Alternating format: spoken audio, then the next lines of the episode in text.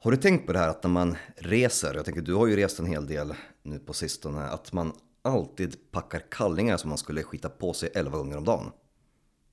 Ja, alltså jo, men jag brukar ju packa fan Typ, jag räknar hur många dagar Du vet, jag åker på torsdagen Då tänker jag, och så ska jag åka hem på söndagen och åka liksom, torsdag, fredag Lördag, söndag, fyra så plus två extra eller någonting liksom, Nej, du är en, jag vux, brukar- jag jag brukar- vuxen människa. Ska, ja, Ja, men ibland kanske man, ibland gånger händer det att man bajsar på sig.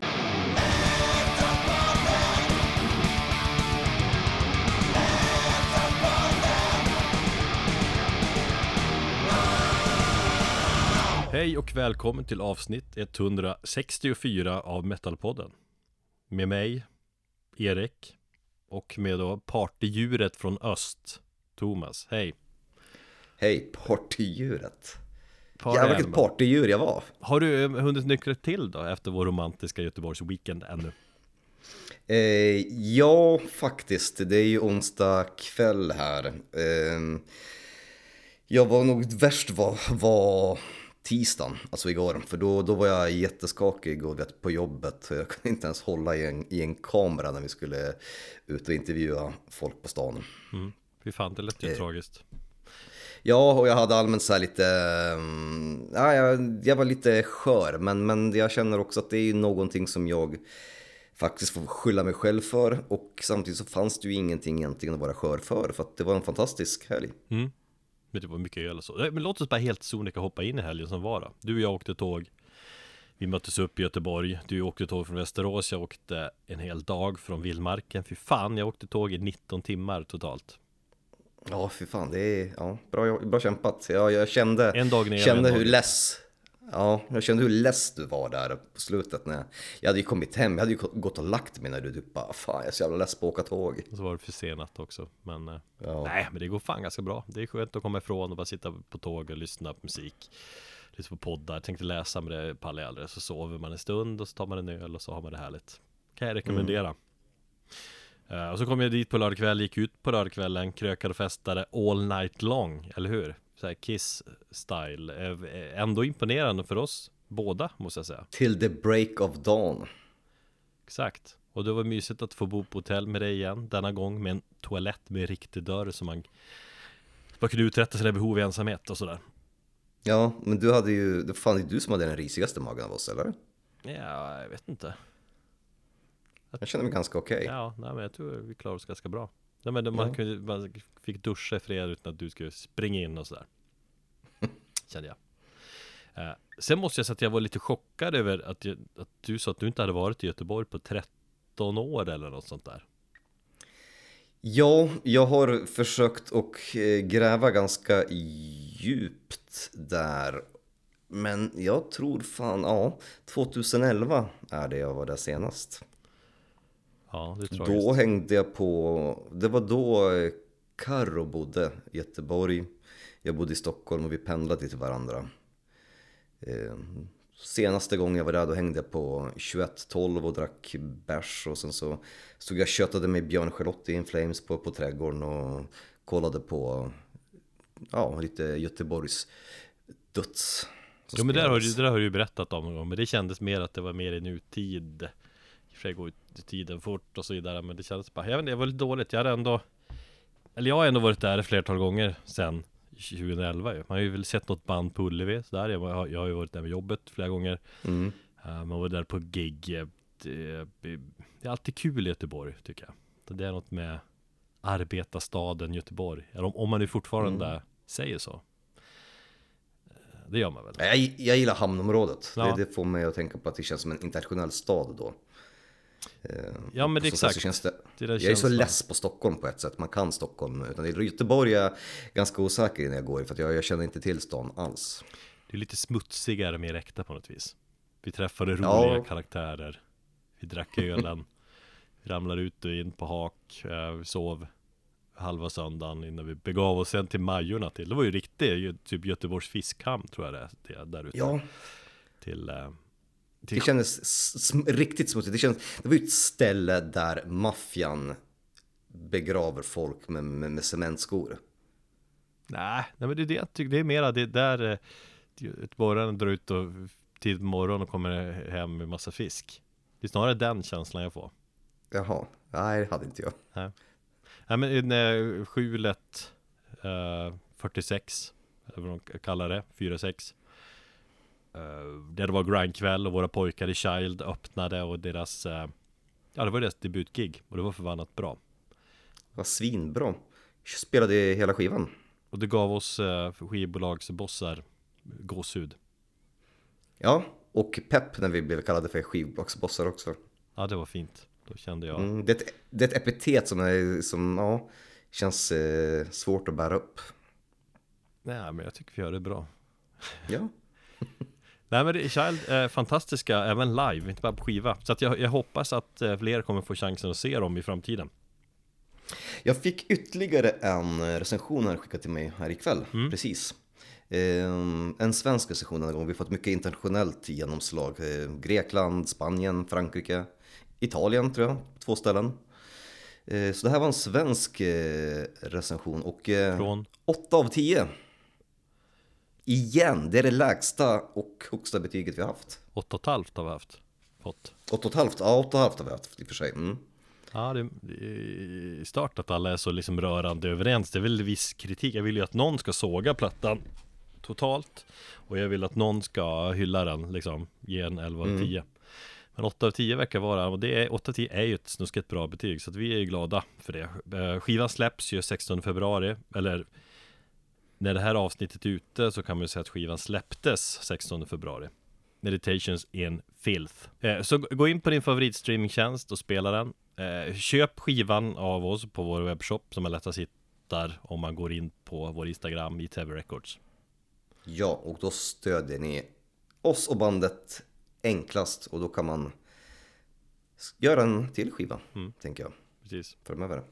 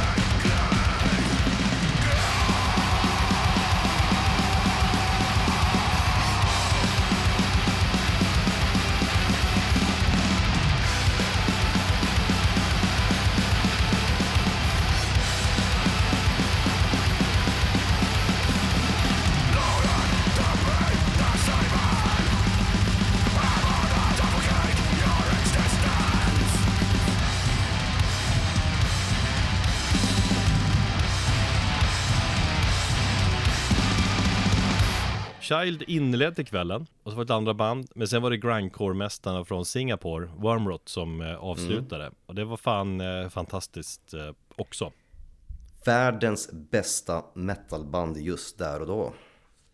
Världens bästa metalband Ja, jag bara sa det. Det var ju världens bästa...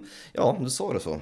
Ja Men Du var kanske full så du minns inte. Nej, jag, jag, kanske sa, jag tror jag sa grindcore-band Men jag, men jag sa nog kanske metalband. Jo men det kände jag väl. Där och då var det absolut Om man kör just nu uttrycket. Publiken kanske var lite stel sådär. Min polare i Amsterdam Han sa när han såg eh, Wormrot där sa han att det var en av de hårdaste moshpits han upplevt Att han har fått så mycket stryk Och han gillar att få stryk det var Inte riktigt så var det ju här Men det var ju Nej. otroligt bra ändå Helvete vad jag gick igång på att få se dem spela Det är, liksom bara, det är mycket, det är snygga detaljer. Grindcore är ju verkligen genren man ska uppleva live också. Det är kul att se folk liksom spela grindcore och kämpa. Jag tänker ju, ja jo, jag tänker att grindcore inte är så speciellt live eh, om den inte görs på lite finess-sätt som jag tycker att, ja, både Child gör och, och, och Wormrot. De Wormrot är ju lite unika och jag tycker inte heller att egentligen Child kan placeras i det här rena grindcore-facket. Nej Men eh, definitivt så var det jävligt coolt att se. Jag var ju, mitt största mm, frågetecken var ju liksom hur, jag är ju van vid en viss sångare på skivan. Men han har ju hoppat av bandet så de har ju hyrt in en, en argentinare från eh. Implore på sång. Ja, in, in, på den här liksom, turnén. Och han, nej jag tyckte han gjorde det skitbra. Han lät nästan ganska likt också. Ja Så nej, fantastiskt jobb och jag tycker att både singaporianerna då, gitarristen och eh, trummisen, de är ganska härliga killar, vi snackade ju med dem. Ja, det var härligt att, att träffa dem lite innan giget och deras manager. Otroligt trevliga såklart. Mm. Eh, eller såklart, men ja, ja det var det. Sen, sen de klagade på kylan och så hade de typ vad sa de, 40 gigs kvar eller något sånt där. Helvete Just det, vad många gigs. Eh, och sen, vad jag tänkte på? Just det, någon kul citat från trummisen där. Eh, där vi frågade, någon frågade var, varför han alltid ler så mycket när han spelar. Det gör ju så han ser så extremt glad ut. Um, och han att, ja men utåt så ler han men inombords så kämpar han och mår piss. Eller hur han Ja. beskrev det hela. Han ler igenom eh, smärtan som man känner när han, för han är ju, han är ju jävligt duktig och teknisk trummis Mm. tycker jag. Och det, det gör nog eh, lite ont att spela de grejerna som, som bandet försöker sig på. Ja, Så, ja, men eh, ja, det... Så är det. Fan, jag tycker ändå hårt liv. Eh, Vad, vad, vad sa de? De skulle ju bo på... De bodde ju på typ golvet där inne. Och sen skulle de... De hade åkt ner ifrån Stockholm för det här gigget. Sen skulle de tillbaka till Stockholm och ta färjan till Helsingfors. Så jävla massa resande för, för, för lite liksom... Lite grindcore. living the dream. Ja. Varmrot rules, som man säger. Och det, det känns mäktigt att man fått se dem. Man man kan verkligen mm, vara nöjd. Det är någonting som man kan checka av ja. Verkligen. Du, eh, dina gamla idoler Mm. In Flames har släppt en ny skiva som heter Forgone Och jag skulle vilja ställa en fråga till dig, eller till oss Och frågan lyder då In Flames We Trust Med frågetecken Alltså In Flames We Trust är det då Eh, Vad säger du?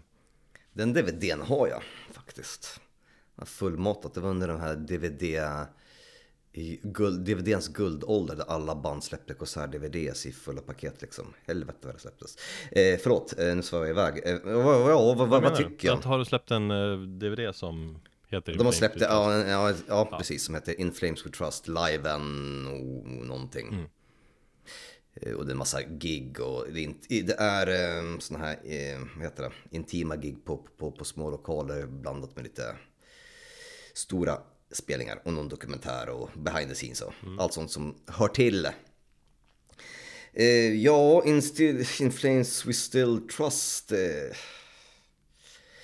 kan inte du få, få börja med, med att säga, du säger ju själv att du får gåshud som in i helvete av skivan.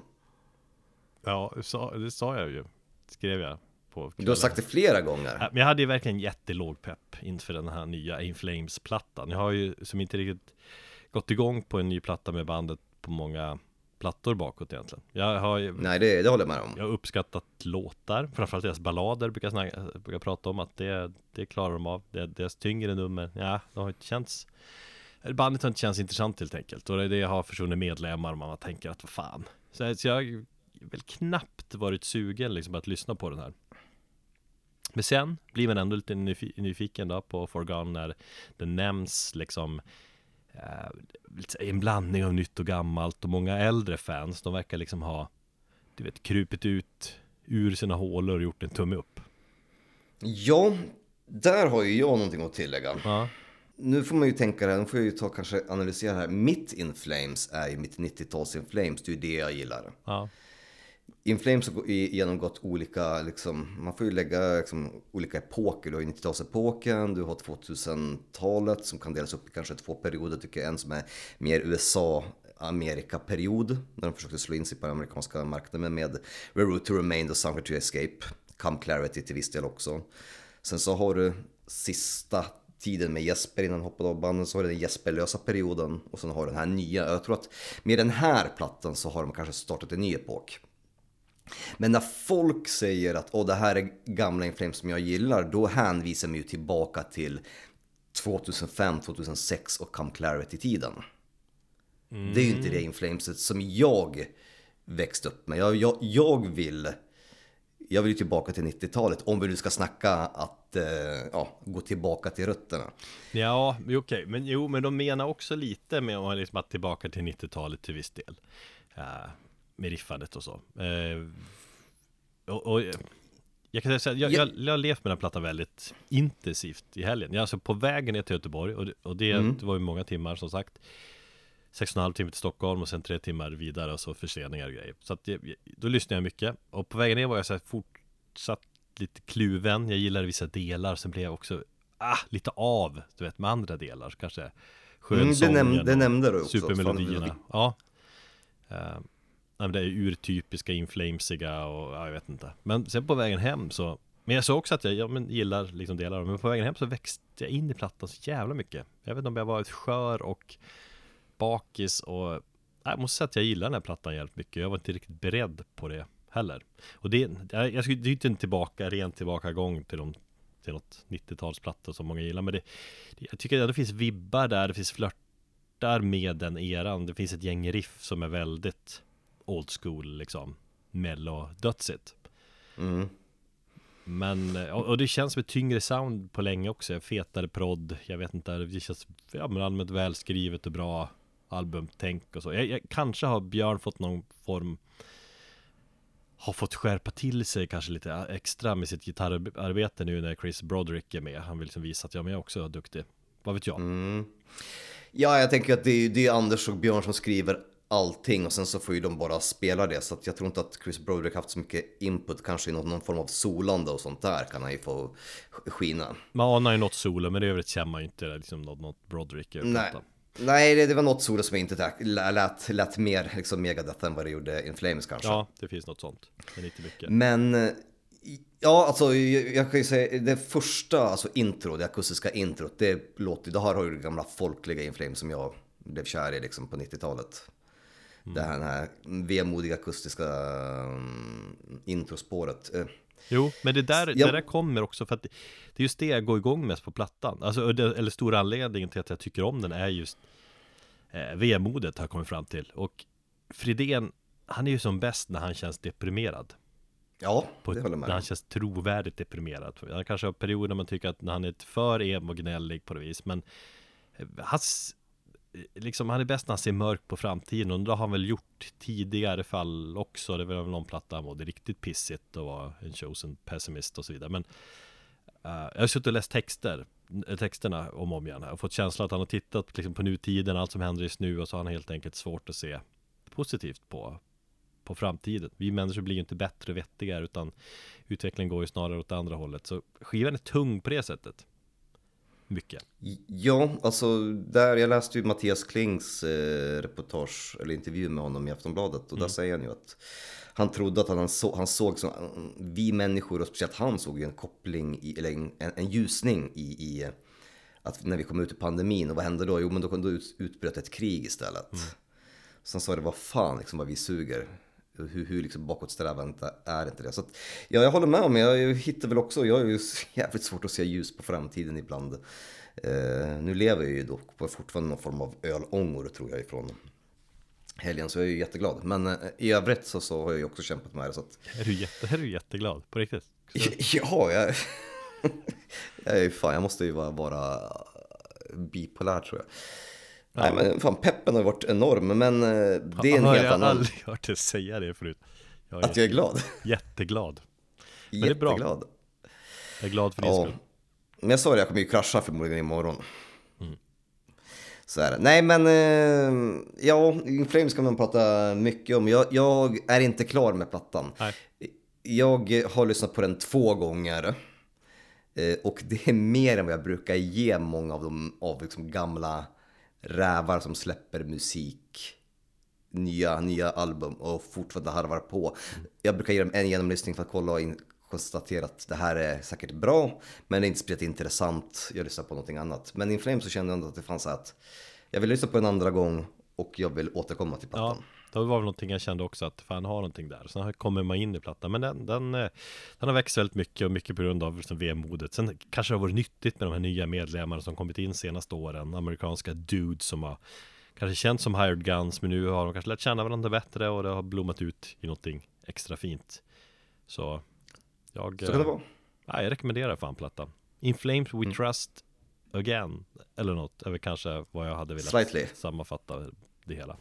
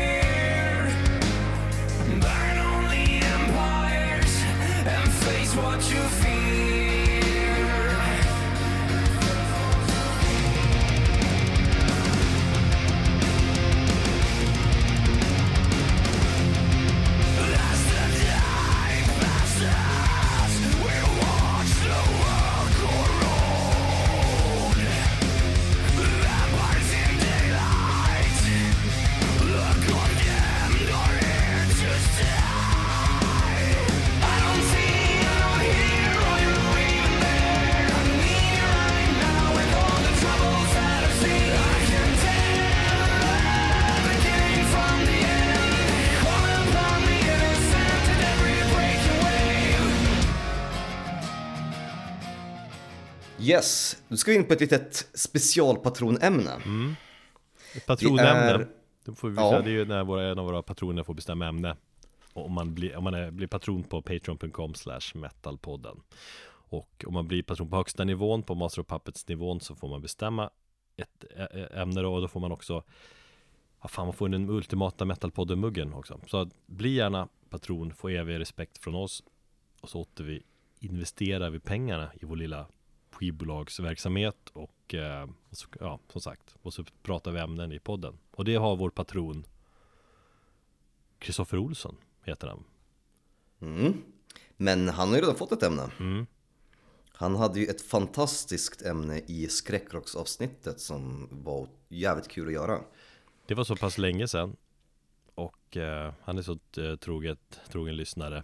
Han är extremt trogen, han har varit med liksom eh, från början och han är in it for life som Robban skulle säga. Mm.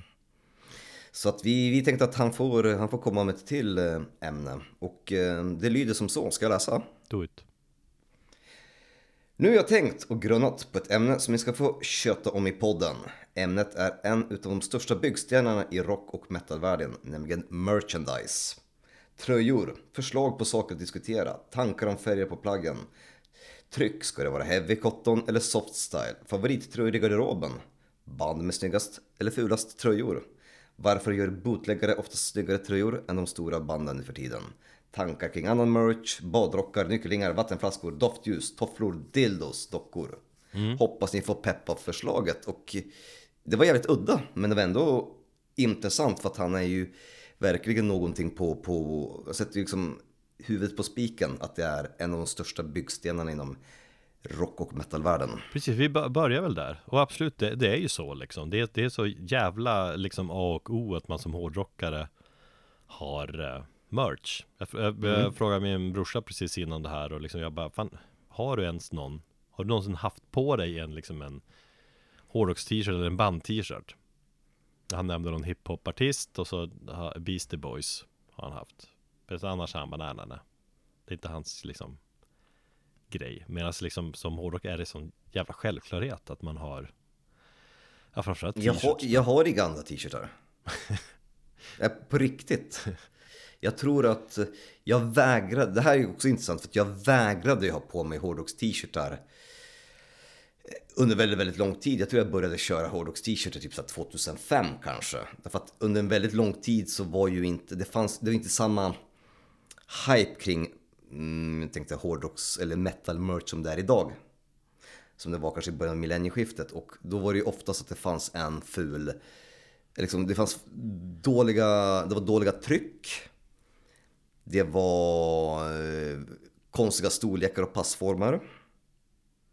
Mina två första metal t-shirtar det var The Haunteds någonting, den var jävligt snygg men den satt som ett jävla as på mig. Och In Flames hade, som jag köpte 99 tror jag på, på, på deras gig i Pingstkyrkan i, i Skövde. Men vad då? Jag fattar inte ändå. Alltså, du argumenterar, vad anledningen att du inte var Nej, men jag tyckte liksom det var så förrän du var, vadå, typ 24 år? Ja, ungefär. Och hela din jävla Ja. tonårstid som är som mest jävla galen. Nej, då sprang jag omkring i engineered eh, Le- Levi's jeans och, eller en eh, 70-talsskjorta. Fy fan, Du ser mina jävla skolfoton från, från gymnasietiden. fy fan alltså. Det ser ut som Kelso. Fan när du började bära hår, då hade jag ju som kört med det i 10-15 år eller någonting. Nej men jag vägrade. Eh, Fan, det är jävligt jag, untrue måste jag säga. Nej jag vill ju säga att det var så jävla true för att jag, jag, jag brukade ibland när jag gick på finare ställen, liksom, det- vi hade ju en så ett ställe i Västerås som skulle vara lite hippt. Då satte jag ju på mig en, en hårdrocks t-shirt men gick jag till exempel på en hårdrockskonsert, jag minns på min första Eh, en av mina första konserter som var på, det var också det Haunted totalt jävla mörker. Eh, någon gång där i 90-talet så, så då hade jag på mig en gul Lindeberg Mm, det hoodie. har du berättat. Det där är ju Ja. liksom Men när åker på stryk. för jävligt. Ja, det borde någon ha gett dig lite stryk. Fan, en... Men det är just den här jag- den fram... obligatoriska hårdrocks liksom t-shirten är ju så Ja, Ja, men det, det, det, har ju ändrats. Det, hårdrocks-t-shirten är ju betydligt mer ett medvetet plagg och en del av ens identitet. Helvete, det var det ju på förut. 90-talet och fem första åren av 00-talet också. Ja, men det har ju blivit, det har ju blivit mer industri kring det. Jag tänkte passformer. Jag kan ju garantera att du lär ju inte ha hittat en enda hå- hårdrocks-t-shirt som skulle passa en tjej. Allt var ju XL och boxfit på dem. Ja, skit i Idag har du ju liksom unisex, du har eh, tjejpassformer i en viss mån. Så att, eh, ja. Först när det blev kommersiellt då kände du att det var okej att ha. Nej, jag började hitta pass, alltså passformer som satt, satt bra på mig. Det var ju det, jag kunde inte ha på mig. Det var, det var ju annat en- mode då också, man hade, man hade ju stora t-shirts liksom. Fan jag såg en, bara en intervju med eh, Nicke Andersson och LG, han tog en intervju på 90-talet Hade så jävla stor t-shirt på Nicke. Men det var så, fan man hade ju hårdrocks t-shirt ändå, även om det modet ser annorlunda ut. Bara, Nej, jag köper inte det där Du, det var dåligt, jag är besviken. Ja, ja, men Jag blir nästan ja, arg här. Du skulle nästan veta hur, hur besviken jag kan göra dig. Ja. Men vi fan, Nej, vi men- började där med t-shirtar och fortsätter med det. Va, Det måste ju ändå vara liksom 80-90% av all merch som säljs Som är t-shirtar Ja, det tror jag definitivt är. Om man snackar t-shirt, fult ord för övrigt. T-shirt. Det finns olika typer av t-shirts Som är lite olika vad gäller passform och hur de känns och så här. De måste- vanligaste måste väl ändå vara Gildan, Soft Style och Heavy Cotton Fruit of the Loom. Men de är fortfarande inte riktigt bra passformer. De, nej, det är de inte. Och så finns den här... eh, ja, skitsamma. Vilket team är du? Är du liksom eh, av de två då? Gildan-varianterna? Jag tror jag har börjat gå mer mot eh, soft style, även om det är ehm, heavy cotton som har varit eh, ja, lätt i antal i, i liksom t-shirtlådan i garderoben. Den är oftast lättare att få tag på. Det är, inte, alltså det är oftast den som säljs. Eller jag vet fan inte. Vilken tror du? Jag vill säga, heavy cotton, den, den, den är väl mest klassisk. Den är väl mest heavy metal. Men jag föredrar ju den. Men jag tror nästan softa kanske säljer. Är populärare idag. Ja, det är om man är en skör och eh, bögig hårdrockare som gillar att ha någonting mjukt och inte klarar av någonting kantigt och hårt. Heavy, hör du ju. Ja. Soft. Nej men jag vet inte, jag, alltså, just gillar bara att det som känns rejälare på något vis. Det känns som att de tål mer än soft style, går, går sönder mer lättare. Finns ju ultra cotton också. Jo, Vad fan det nu är. Nej, men jag, eh, när jag började liksom så intressera mig och kanske samla lite grann på, på hårdrocks t-shirtar för, för, för, för ett gäng år sedan. Då vill jag minnas att det bara fanns heavy cotton. Soft style är något som har kommit på kanske de senaste 6-7 åren. Eller? ja, jag tror det har funnits längre så såklart. Eller även inom, inom hårdrocks merch men eh, Nej men jag, jag, som sagt, min erfarenhet att jag tycker de inte är lika att de, Fan, att de är sköna, de är soft Men de håller inte lika bra När jag rullar omkring och så Jag tvättar ju alla mina t-shirtar på mm, handtvätt. Då håller de 5-6 år. Sen så, och sen så liksom, det är ju miljö, miljövänligt med dem för att du har dem, sen så blir de så pass slitna. Då klipper du av ärmarna och så gör du linnen och så kan du ha dem i ytterligare några år och träna i. det, Det finns ju en andrahandsvärde i, eh, i, i t-shirtar. Ja Bra tips för övrigt. Ja, man skulle vill vara cool liksom... på gymmet och snygg. Men fan, Ja, eh, färger då? Jag tror vi tidigare pratat liksom att vitt, det är det nya svarta. Vi släppte ju en metalpodden Tisha som var, för, var vit eh, För det kändes fräscht. Jag köper ju vita rätt ofta ändå Men majoriteten är ändå såklart svart. Och ibland är man crazy och köper någon annan färg. Jag har någon lila Windhand Tisha som jag körde med väldigt mycket rosa är vi för ironiskt på det vis. Men en blå Deftones tröja köpte jag i somras. Svart blir för aldrig fel. Vad säger du? Du kör mycket vitt. Jag gillar vitt, så jag tycker det blir jävligt eh, stilrent. Eh, och jag tror att det är min, mitt nya, min nya drag, just vita t-shirtar. Så jag letar ganska mycket efter just vita t-shirtar. Finns det alternativet att något band har bara det, bara det ett svart mönster och sen så bara inverterat det till, till vitt svart. så tar jag oftast det alternativet. Det är skönt före. på sommaren också, när man har mest t-shirt ute, om det är vitt. Nackdelen är ju dock att du får ju gula ringar under armarna betydligt snabbare, eller det syns ju tydligare Det är sant. än med en svart t-shirt. Så är det. Har du några liksom, bland alla din eh, mängd eh, t-shirtar du köpt genom åren då, när du började köpa det för två år sedan? Mm. Eller när du började? Har du några favorit-t-shirts? Den senaste t-shirten som jag köper brukar oftast vara den favorit-t-shirten. Ett Bra länge, och sen så ersätts den av en ny favorit-t-shirt där. Men sen så försöker jag, nu kanske jag låter jävligt sjuk här, men jag försöker ge alla mina t-shirtar lika mycket kärlek. Så jag går tillbaka och använder de även gamla. Jag gjorde en utrensning, utrensning nyligen. Där jag eh, ja, flyttade bort av de t-shirtar som jag inte, faktiskt inte kan ha på mig. För att jag har ja, all- alldeles för mycket bukfetma eller att man har vuxit lite grann. Men jag vågar ju inte kasta dem utan jag tänkte jag sparar dem någonstans kanske till, till någon son om några år. Ja, ja. Nej, men det... Men Ja. ja, du såg ju min favorit-t-shirt, den såg du ju på, på gigget i, i söndags. Ja. Min Paranoid eh, longsleeve, vit. Mm. Och extra snygg för att den har röda detaljer i sig också. Och ett jävligt snyggt motiv. Eh, faktiskt ett kap, men jag fick tag den på, via en privat säljare på Facebook. nice. Eh, I övrigt så, så är det Näst efter det så följer ju min um, Bolt Thrower t-shirt och den betyder extremt mycket för mig för att eh, den, det är fan en av, de- det är det sista originalplagget som de sålde. Mhm. Det är liksom Bolt Thrower merch är ju legendariskt för att själva Bootlegs är så jävla dyra, det finns ju sidor på nätet du kan köpa, eh, köpa eh, Bolt Thrower som original t-shirtar, vintage t-shirtar för något gig liksom 92 eh, som går på 5-6 tusen.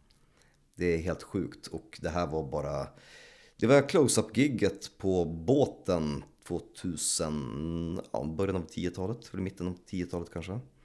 Så den är inte supergammal men, men, men jag vårdar den väldigt, väldigt ömt liksom. Jag har på mig på speciella tillfällen för att jag vet ändå att det är en original t-shirt. När du ska på bröllop och dop. Ja, precis. Jag känner mig lite extra trygg liksom under kavajen. Ja. Jag funderar lite grann nu på mina favorit-t-shirts, det går väl lite perioder. Eller jag brukar göra en grej av att jag kör samma t-shirt typ jämt. Alltså typ nu är det här min konsert-t-shirt. Jaså, ja, det, det har fan, det märker jag lite grann. Ja, Det har kört. Och, och det har väl, jag har haft några sådana. Sen om man, ja, ja, man kollar bakåt genom åren, då, då har man ju haft Ganska många t-shirts, det är många som inte kan ha längre heller Jag jobbar ju på det där Att det, det skulle vara bra att gå ner ett gäng kilo Skulle kunna ha en jävla massa t-shirts igen Och så sparar jag ju Hur många har du egentligen? Va? Hur många t-shirtar har du? Uppskattningsvis. Hur många t-shirts jag? Mm. Ja vad fan, det är ju otroligt svårt Men har man, har, har, har man uppåt hundra liksom Jag tror jag börjar närma mig. Jag har inte så extremt mycket har jag inte, men 70-80 kanske. Ja. Nej jo, jag har fan hundra, ja men alla gånger har man ju det Nej men jag, jag brukar, jag har liksom massa gamla lådor med t-shirtar överallt liksom eh, Många av dem kommer jag aldrig kunna komma in i igen Men eh, många kommer jag kunna Det är en bra motiva- motivation till att gå ner några kilo vikt Men eh, kan du inte sälja mig några? Sälja? Ja, Nej nej jag kan ju köpa någon. det jag säljer inte mina skivor, jag säljer inte mina t-shirts. Eller kanske i och för sig, jag ska kolla vad fan. Ja, möjligt. Om du är snäll. Tänk, du behöver så mycket pengar som du lägger på, på, på, på grus och sten så, så kanske du behöver lite bidrag. Så jag kan ju köpa någonting som, är, som du vet att du aldrig mer kommer komma in i. Jag ska kolla, fan, hitta något som är värt mycket, ska sälja en för 2000 till dig. Eller något. Nej men jag, fan, jag har ju en gammal favorit, min Black Sabbath, du vet, Never Say Die Tisha. Det kanske inte är en, den bästa plattan, med det coolaste omslaget. Det är, det är två piloter på skivomslaget som står framför något gammalt jaktplan från andra världskriget typ Och så har de på sig sådana här äh, masker, syrgasmasker äh, Och t-shirten är ju då en av de, de maskerna. Och det, det är bara, den är så jävla snygg och klassisk. Och Den t-shirten har jag haft på mig så mycket så att den är liksom helt söndertvättad. Den har varit vit, eller den har varit svart men den är liksom mer mot ja, grå nu och Massa hål i den och sådär Men den åker fan på ibland när man är ute och Svettas, den är inte så jävla noga När jag ser det omslaget så tänker jag oftast på dig. För den är så pass synonym med dig och jag har sett dig i den t-shirten tror jag flest gånger. Ja, Av alla t-shirtar. Så att det är så här, men och så vet man, ibland så lyssnar man på, på skivan när man ser omslaget eh, liksom komma, komma för, förbi, svänga förbi. Det var fan, 2015, Erik. 2016 där någonstans hade jag den extremt mycket. Ja, jag ser. Precis, sen min Neurosis Tisha, det här ormarna från Through Silver in Blood Tyngsta plattan i världshistorien, den är, gillar mycket. Min Lowest Creature Tisha har jag fan älskar Det svenska crossover thrash bandet Jävligt Mm. snygg design i rött och vitt och jag vet, Det är någonting med kvalla på den som är helt sjukt, sjukt bra kvalla på det trycket. Rött, vitt och svart är ju perfekt kombination av färger. Tyckte Hitler också Nej, det där var fan va- svart och rött mer Vitt kanske inte så much Uh, jo, det, var en hel del vitt också. Ja, Det var ju ariskt, det skulle vara vitt. sant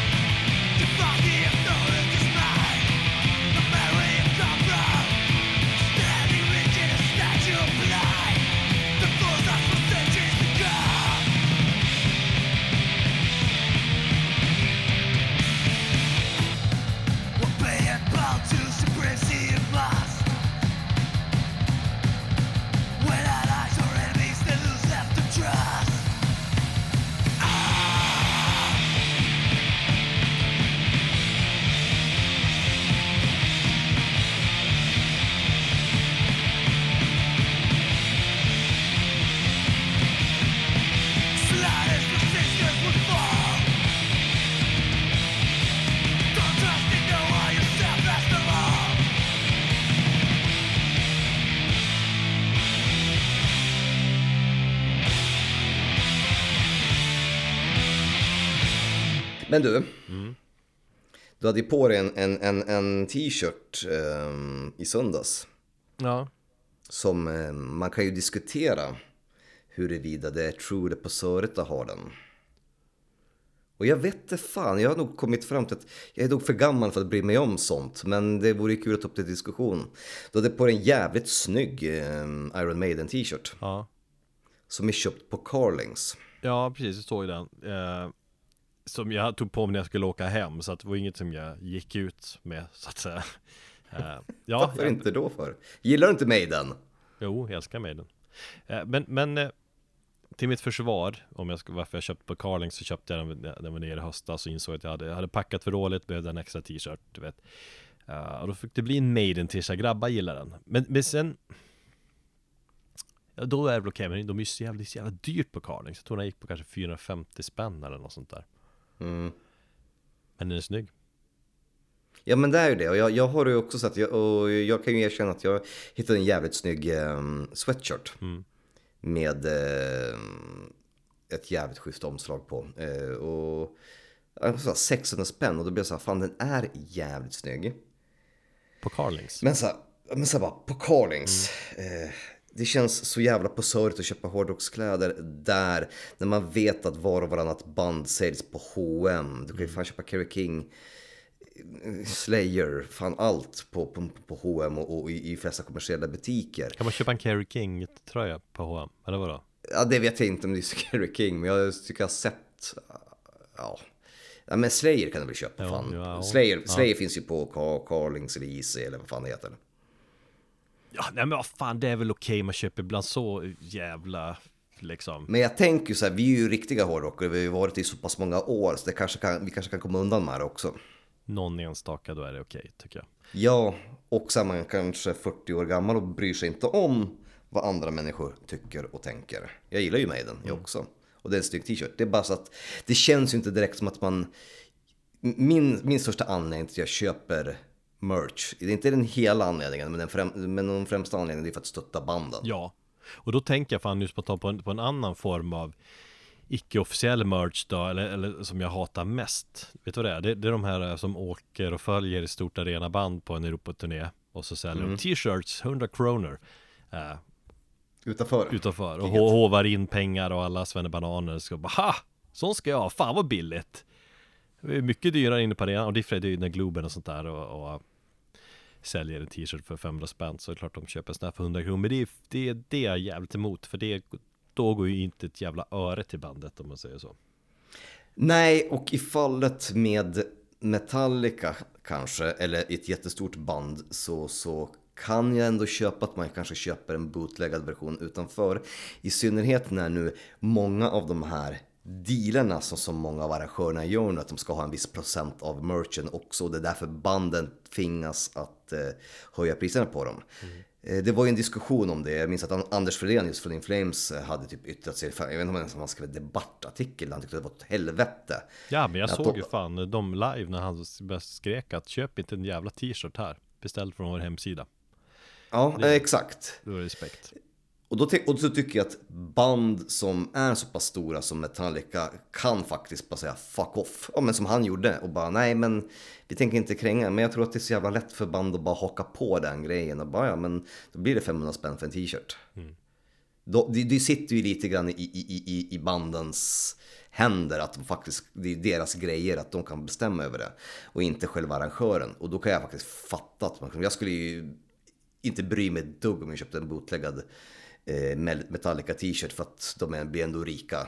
Eller de är ju ändå rika liksom. Men ett mindre band som jag gillar väldigt mycket, det, det vill jag ju stötta. Jo, och det har man ju förstått att merch är jävligt viktigt för banden. Det säljs inte så mycket skivor längre. Spotify gör inte band rika. Band får in stå, lite stålar när de är ute på turné förhoppningsvis då de kan sälja merch och så. Och det är liksom min, det är min inställning att när jag ser ett, en spelning med ett band som jag tycker är bra, då då automatiskt så stödjer jag dem och då går jag och köp, genom att köpa deras merch. Och då köper jag en t-shirt och jag köper vinyl om jag inte har den och eventuell annan merch också.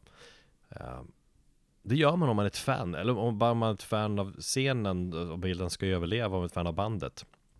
Men okej, jag kan ju också känna också, som är, ibland när man är råpeppad och ska köpa merch när man kommer ut på spelstället och som är redo att slänga pengar på bandet. Eller i alla fall rent bildligt. Eller vad man ska säga nu, för man använder ju inte kontanter längre. Nu ska det swishas och hållas på hit och dit och via Paypal betala och fan, det är inte lika skärmigt. Det var, det var skärmigt när man kunde liksom komma dit och det var inte så länge sedan ändå. Man fick slänga fram en femhunka eller två och bara kasta på bandet och köpa bandets all merch. Ja, jo, Det var något år på Roadburn när vi gick så jävla långt på det där man var peppad efter ett gig, man kanske var lite påverkad av saker och så köper man allt. Jag minns att Aron köpte disktrasor av något jävla band och då var det liksom, det var, det var next liksom level, då var då köper man allt. När man köper merch, Där- där så man har du köpa ju all ändå- merch. Där har du ändå det sämsta. Tänk, disktrasor, det är ju någonting som du slänger ganska omgående. Han visar upp den i somras så att han har kvar den liksom. Jag, jag, jag, jag vet inte. Vad var det för lite- band? Det är kul merch också. Men för att koppla tillbaka, det, det, det är trist när det inte finns så spännande merch. Alltså lite mer standard t-shirt med bandets logga och, och vinylen är slutsåld. Det är för kul om den har sålt dem. Eller en jätteful t-shirt som man inte är sugen på. Kan det här är så jävla viktigt för merch. Kan, skulle du säga att kan band bli bättre på merch? Ja, det är väl en hårfin fin gräns. Vad var det för band som, som hade den här disktrasan? Det måste jag få veta. Ja, det var ju vad fan heter de då? Ja, med något stoner-hållet. Aron, du får skriva och ehm, höra av dig i kommentarerna. Ja. Ehm, ja, alltså. Om vi nu ska gå in på, på lite nästa mm, liksom, delspår i, i den här konversationen. Så, så det här med att band spottar ut sig merch. Eh, det kan vara kul absolut. Jag menar vad fan, Sleep gör grinders och olika liksom eh, behållare för weed och sånt. Och det känns ju som att det, det är ju right up their alley liksom. Ja. Det är Det smart, ska de, smart merch. Ja, det ska de göra. Jag tänkte på skivbolaget Riding Easy som har en hel liksom, så weed-profil och släpper liksom, kaffe, kaffemuggar som är liksom mixade med bångar. Mm. Där har han ju tänkt till och han har ju liksom en, en, en grej att han liksom inkorporerar och gör liksom sin, ehm, sin merch till liksom en livsstil. Ja. Nu blir det jävligt många liksom här. Men det är en del av, av hans trademark och hans image.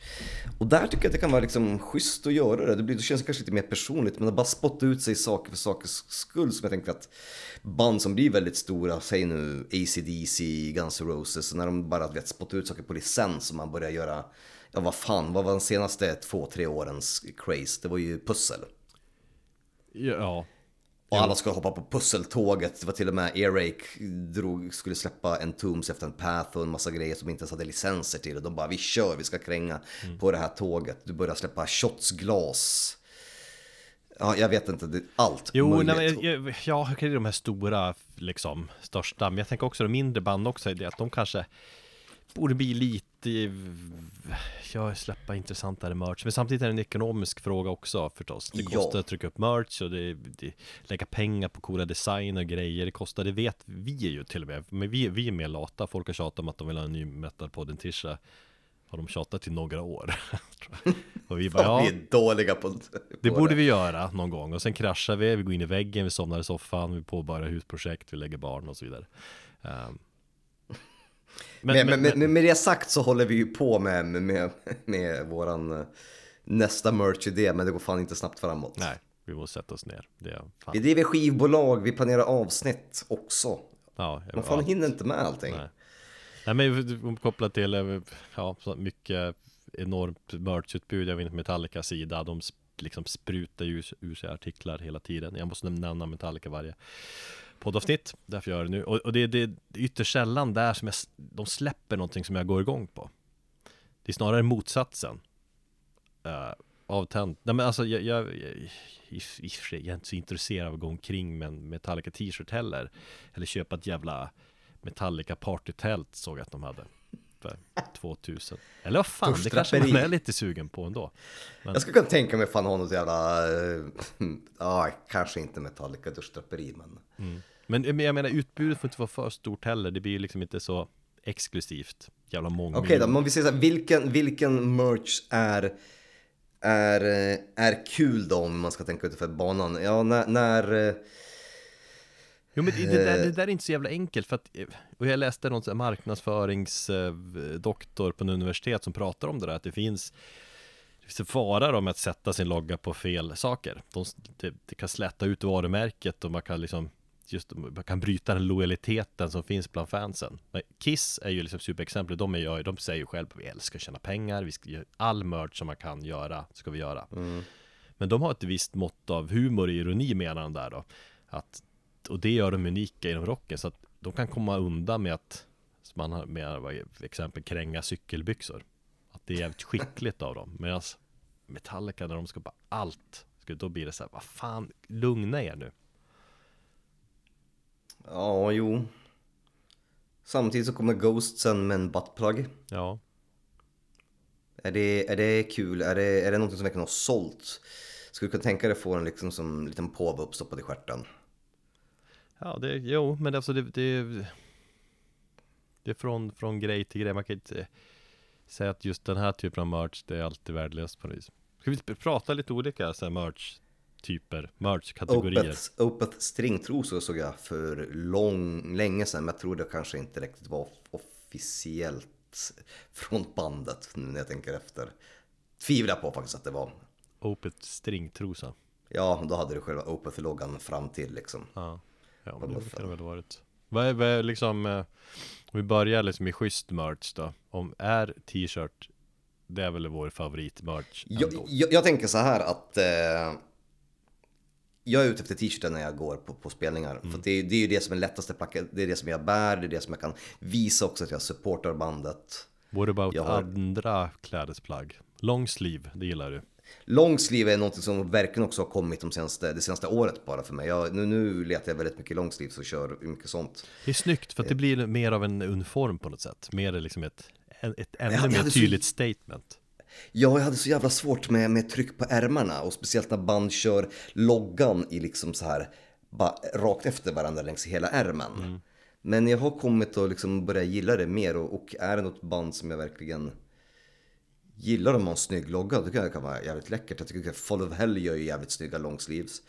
Power Trip är också design, liksom kungen när det kommer till, till merch. Ja, luvtröja, för du, ha- du hade på dig en jävligt snygg powertrip tröja Ja men enkel, bara svart. Den är så Clean.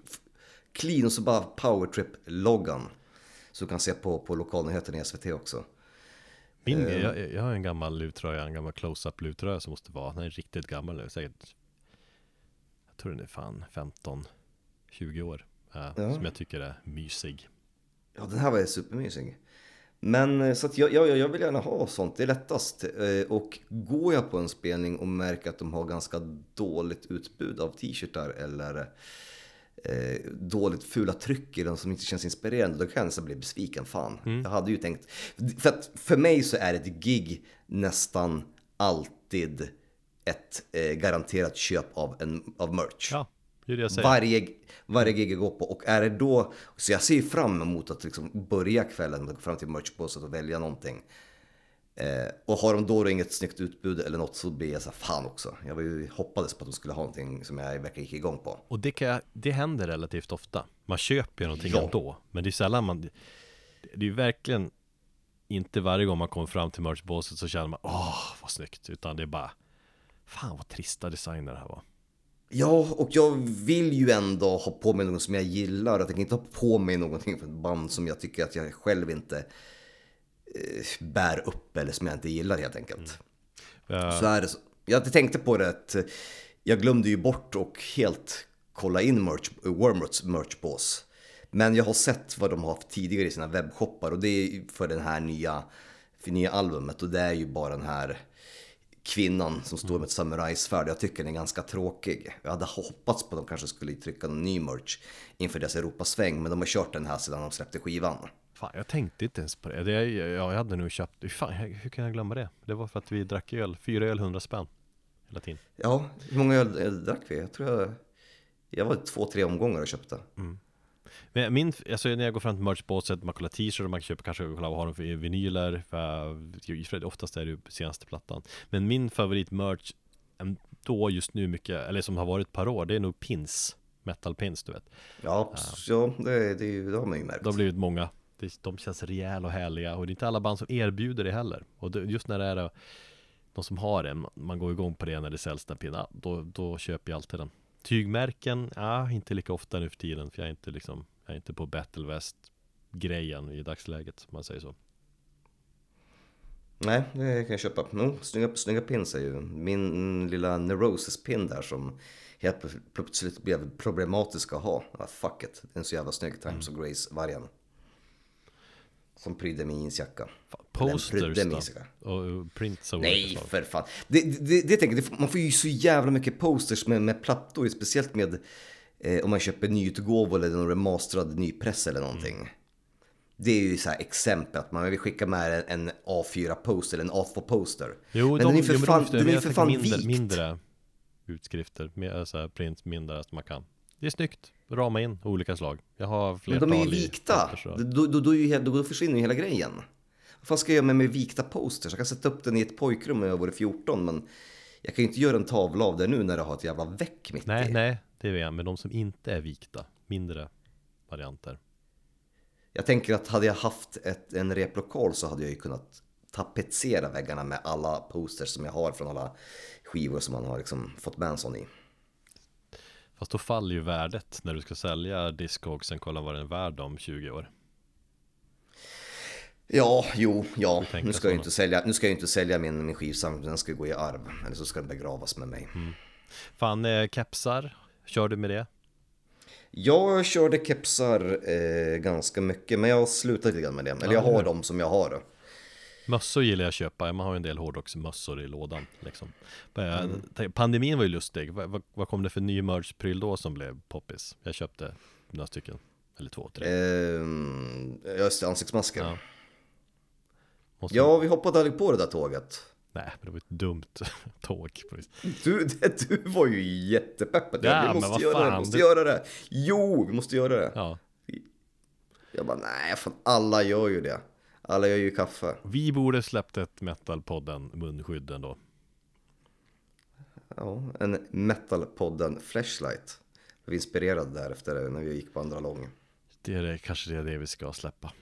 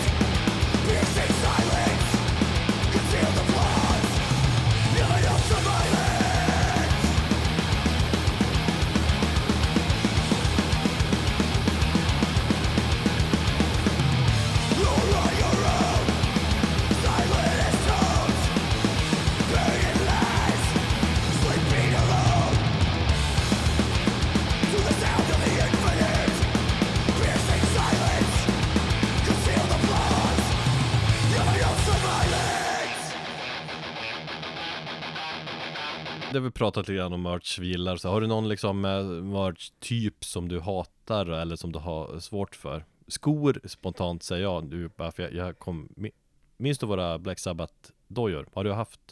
De har jag glömt bort, men har du Jag har ju dem, men det är ju Dr. Martin som tar typ tre år att gå in. Så att eh, jag har inte orkat gå in och sen så är det ju att ha hela jäkla... Vad fan är det? Vad är det paranoid-trycket? Nej, det? första plattan Det är det första plattan var det, ja.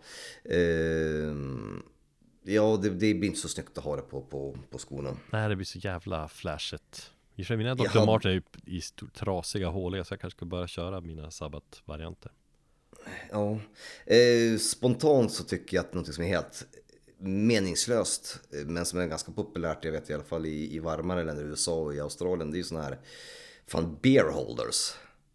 Du vet en sån här liten skumgummivante som man stoppar ner sin, sin bira i.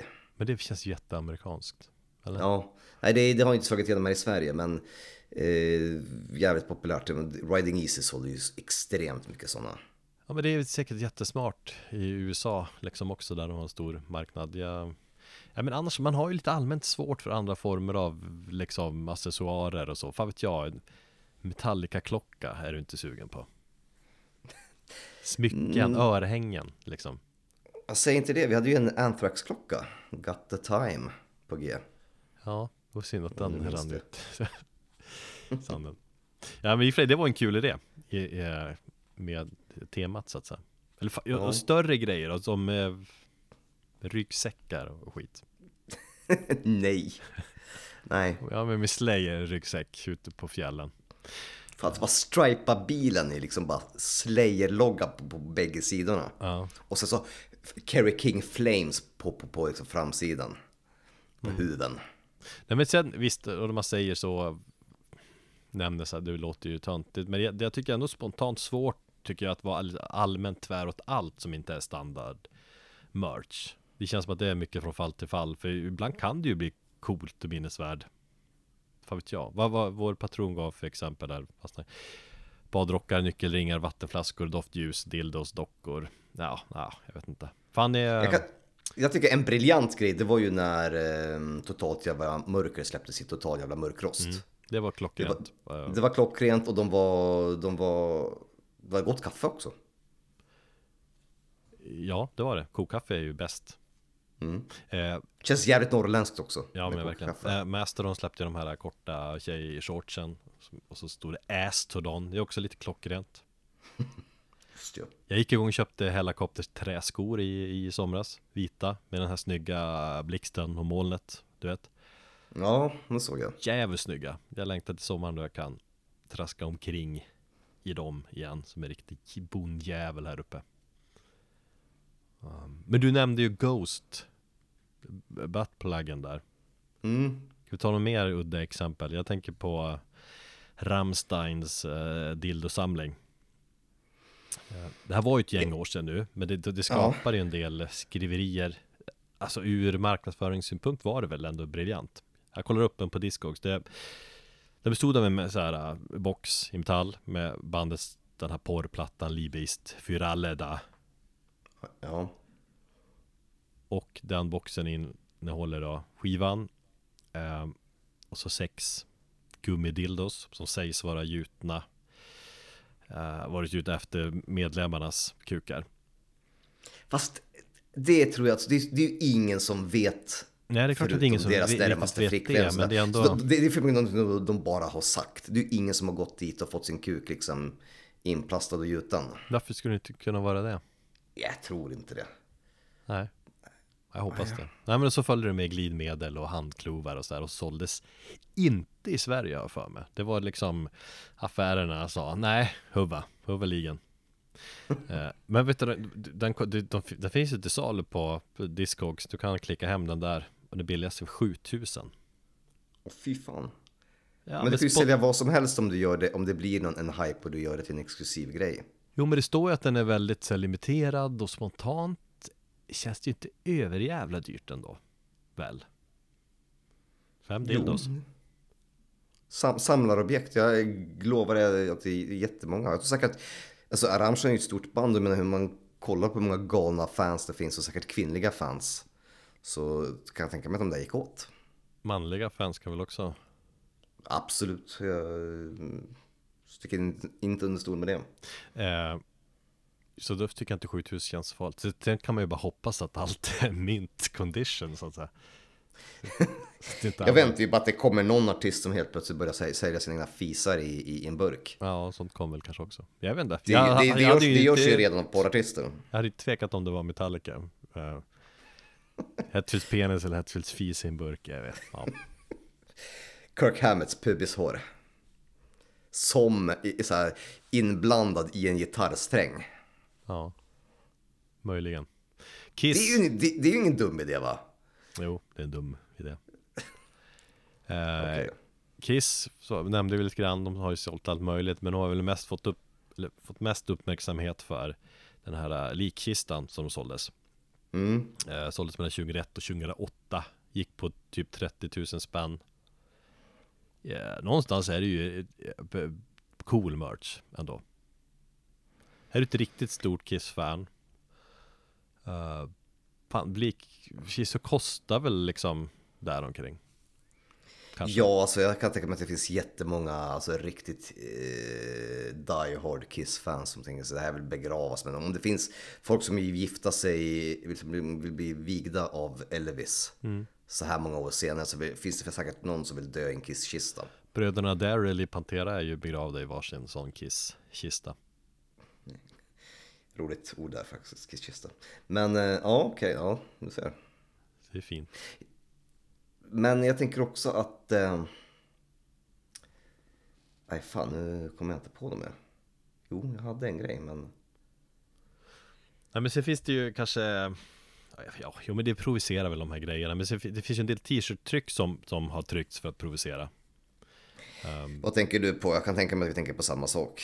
Jag tänker på Municipal Waste Och de har en De har en design där, där Trump skjuter skallen av sig Och så är texten Baksidan tror jag det, Eller, eh, jo den står på baksidan The only walls we built Are walls of death Sjukt snygg. Jag har faktiskt funderat på den och jag har varit nära på att dra hem den eller buda hem den för att jag ville ha den. Nu har jag liksom passerat det stadiet men ett tag var jag ute efter den. Det är så den blir helt poppis Men den, är oerhört Trump-kritisk också Så att den Ja, den har nog blivit en klassiker. Sen Behemoth har vi släppt en hel del tryck. där har vi ju en sak som vi inte har, har eh, touchat vid. Eh, all over print och kontra liksom logotyper och, och, och lite så små grejer. Jag känner på att, att, att trycka upp ett albumslag på en t-shirt är jävligt lat. Logga funkar ju om du har en snygg logga. När Behemoth och så Slavic ska köra, kör, kör sina all over print då känner jag bara fuck off. Det är så jävla fult. Det är så jävla 90-tal och, och Behemoths, de har väl skärpt sig tycker jag nu på sistone och har en, deras senaste logga till den här eh, senaste skivan är ju ganska snygg och de har gjort ganska stilren merch med den men ett tag så körde de, nej, det My God och hela, hela det stuket, det var, Jo, men de släppte väl någon t-shirt också som var liksom uh, rörde upp, alltså som de, de, du har väl koll på det, som ledde till rättegång och grejer. eh, ingen t-shirt nej. Det som ledde till rättegång var ju att han, eh, Nergal fick en... Eh, han fick ju en dildo med Jesus på. Jesus uppspikat på korset och så var änden var en dildo som han visade upp på ins- Instagram som han drogs inför rätta. Sen så har ju... Jag tror jag tryckte upp det liknande också. Men eh, ja, någon t-shirt. Jag tänker, ja, Marduk har ju sin klassiska Fuck Me Jesus med en nunna som, som onanerar med ett kors. Den är bra. Men, den, eh, Den, den, den, den, den gillar jag. men gillar du design på t-shirt som är provocerande? Liksom? En Marduk t-shirt av den här Fuck Me Jesus, den skulle jag, alltså det var ju ett tag när jag var yngre som jag tyckte att fan vad häftigt. I, idag så tycker jag ju jätte edgelordigt, jag skulle inte sätta på mig den. Oh. Men jag tycker att själva idén är jätterolig för att det är så blatant eh, provokation att går man igång på det då faller man ju precis in i bandets eh, fälla. Men jag tycker att det enklaste sättet att håna eh, katolicis- ka- katolicismen och religionen är ju genom de här väldigt enkla provokationerna också. Ja. Behövs det mer sån liknande merch tycker du? Alltså som är lite provocerande, udda? Är Nej, jag. Nej, det tror jag inte. Jag tänker bara på att mina... Ja, jag vet, nej, jag tror fan inte det. Det behövs inte. Ska vi släppa något behov- provocerande? Sälja vårt blod, det är väl kanske gjort? Nej, jag, jag känner inte att... Jag har, ja, det har väl med att göra att man växt upp kanske. Det är kanske folk som går igång på, på en Marduk t-shirt eller en Trump t-shirt också. Sånt där. Eh, Anti-Trump t-shirt från Municipal Waste. Men eh, Nu, har, Nej, nu är vi 40 plus och nu tycker inte vi det är så kul att provocera längre. nej, vi tycker inte det. Men alla får gärna, eh, gärna göra det, speciellt kyrkan. Mm. Eh, sist ut då. Eh, det finns ju lite, vad köper man bästa merchen? Och, och det finns lite olika ställen vi har tänkt på och det, det är mest eh, Ja, du har listat Ja, ett gäng favvo merch ställen här va? Ja, och det mest, det mest eh, true, det är att köpa och stötta banden direkt via, via konserter. För då, då går ju pengarna oavkortat till, till banden. Alltså det, jag, jag köper i stort sett alla mina t-shirts från spelningar. Det, det känns bäst, som sagt. Stålarna direkt till bandet. Det känns mest true. Fan, jag har sagt true flera gånger i det här avsnittet nu. Men, men eh, du vet, man har på sig en t-shirt med ett band man har sett live. Mm. Det är skillnad där, man har inte på sig en t-shirt på bandet man ser live i detta nu. Utan man, har, man köper t-shirten. Det får man ju inte ha, det är död, dödsstraff på det. Man är ingen posör så. Mm. Så det, det tycker jag är bäst. Men sen på senare år har ju man har ju köpt t-shirt i så, genom sådana här bandelpaket några gånger. När man beställer, förbeställer vinyl och så sen ah, lägger till någon lite och får t-shirten också. Det har jag gjort ett par gånger. Det tycker jag är eh, jävligt schysst att göra och jag tycker att eh, hittar man ett bra band, jag tycker att där har vi ju vår vän eh, eh, Tim, han har ju ett bra, kör ju oftast det bandelpaketet tillsammans med sina, med sina artister. Ja, nu är han, lite han är ju lite för ensam om det, men det, har- det har ju verkligen slagit igenom alla de här bandelpaketen. Mm. Det har det. Mm. Eh, I Sverige så är det kanske svårt att köpa. Jag, jag har hittat och gjort många kap på via Facebook. Eh, eh, annonser. Privata säljare. Jag är med i en HC-grupp. De säljer jävligt snygg HC-merch. Köpte en jävligt snygg eh, Black Flag t-shirt där och hittade lite andra grejer. Men, men köper du, är det bäggat då? Eller Ja, det är begagnat. bra kvalitet? Men fan jag vet inte, jag, jag Låter jag töntigt Det är men inte, alltid. nästan- Viss, nästan viss, nej, det, det behöver inte vara. Det jag inte det behöver vara. det finns någon kille också där i, i, i en av de här grupperna som trycker sina egna, egna t-shirts på, på demand. Så nu, bara, nu har jag de här och de här och eh, vill ni köpa så, så, så säljer de. Mm. Ehm, Så att nej, det är köpa begagnat. Nej, jag vet inte. Jag tänkte att det är ekologiskt och, och värnar om, om, eh, eh, om en, ja, vad fan heter det? Eh, hållbar framtid. Bra Ehm, Bandcamp. Nu ägs det dock av kineser, insåg jag. Men vad, vadå bandcamp? Du köper, du beställer direkt från bandet då? Men ja, men ba, ba, i och med att Bandcamp tar en extremt liten andel av eh, eh, procenten från, från, från det mm, artister säljer så, så tycker jag också att du stöttar ju artisten om du, om du handlar på, på Bandcamp. Ja, För de tar ju bara så. 10% i, i avgift. Så att, och det finns många mindre band som lägger upp sina t-shirtar där för en hunka liksom. Då, då vet man ändå till liksom 90 spänn rakt ner i deras ficka. Istället på andra, i, istället på andra ställen där de kanske får, får, får liksom en 70-30 eller 60-40 cut. Och, och ibland kör Bandcamp-dagar då allt går till bandet. Ja. Eh, mitt favoritställe och där jag säkerligen köper mest merch, det är Evil Greed. Det är en eh, tysk, eller till och med holländsk kanske, eh, sajt som är en e officiell EU-shop åt väldigt, väldigt många band. Och där är väl det bästa tips att, att, köpa. De, är, de flesta bör ju vid det här laget känna till dem. Men det, det är liksom... Jag känner att det finns två stycken stora eh, merchbutiker. Du har Evil Greed som du har i liksom kanske eh, södra Europa. Du har eh, Kingstown Merch, eller Kings Road Merch som du har i, eh, i Storbritannien. Men där nu är ju inte de här i EU så då får du betala tull. Och sen så har du eh, Holy Mountain som är en extremt stor metal merch-sida i USA. Men där har du också extrema tullavgif- tullavgifter. Inte fan om jag det. köpt någonting från Holy Mount, är det som jag känt? Det har du. Vi gjorde, du, jag och Kim gjorde en gemensam eh, inhandling för typ så här 2013-2014. Där vi alla valde en varsin t-shirt och så delade vi på frakten. Okej. Så att det, men det var ett gäng år sedan. Men det var, Evil Greed har jag koll på, det har jag beställt från någon gång. Eh, stort utbud har de. Bra priser och bra många band har de liksom. Ja, hjälpt många. Men Holy Mount, hur mycket har de då? Vad, vad är det för genre? Är det liksom bara... Alltså, det, det, det, det började ju som ett eget tryckeri till ett väldigt litet tryckeri och sen så har det bara vuxit till en extremt internationell. De, de har ju egen, nu trycker ju många artister upp eh, egna eh, Holy Mountain liksom upplagor av sina vinyler som de, som de säljer i sin butik. Ja. Och han har gjort jättemånga exklusiva grejer och han gör ju liksom bandexklusiva saker. Och så det, han, jag tror att det, är en, en snubbe, han är förmodligen, nu är det väl ett helt företag, men han, det började med att det var en, en liksom grafisk konstnär som gjorde grejer.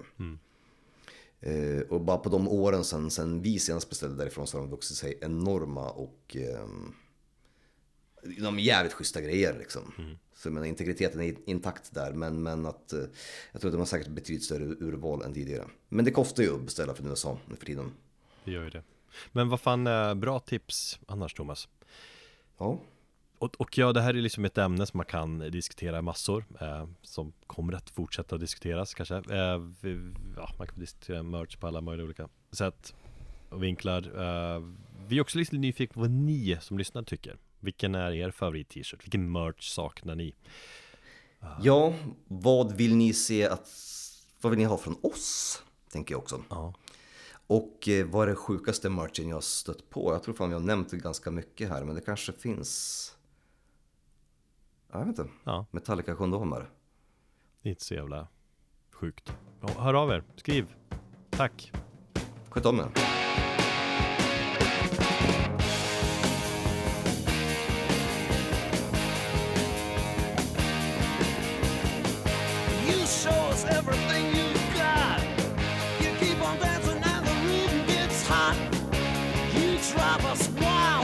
Ralph.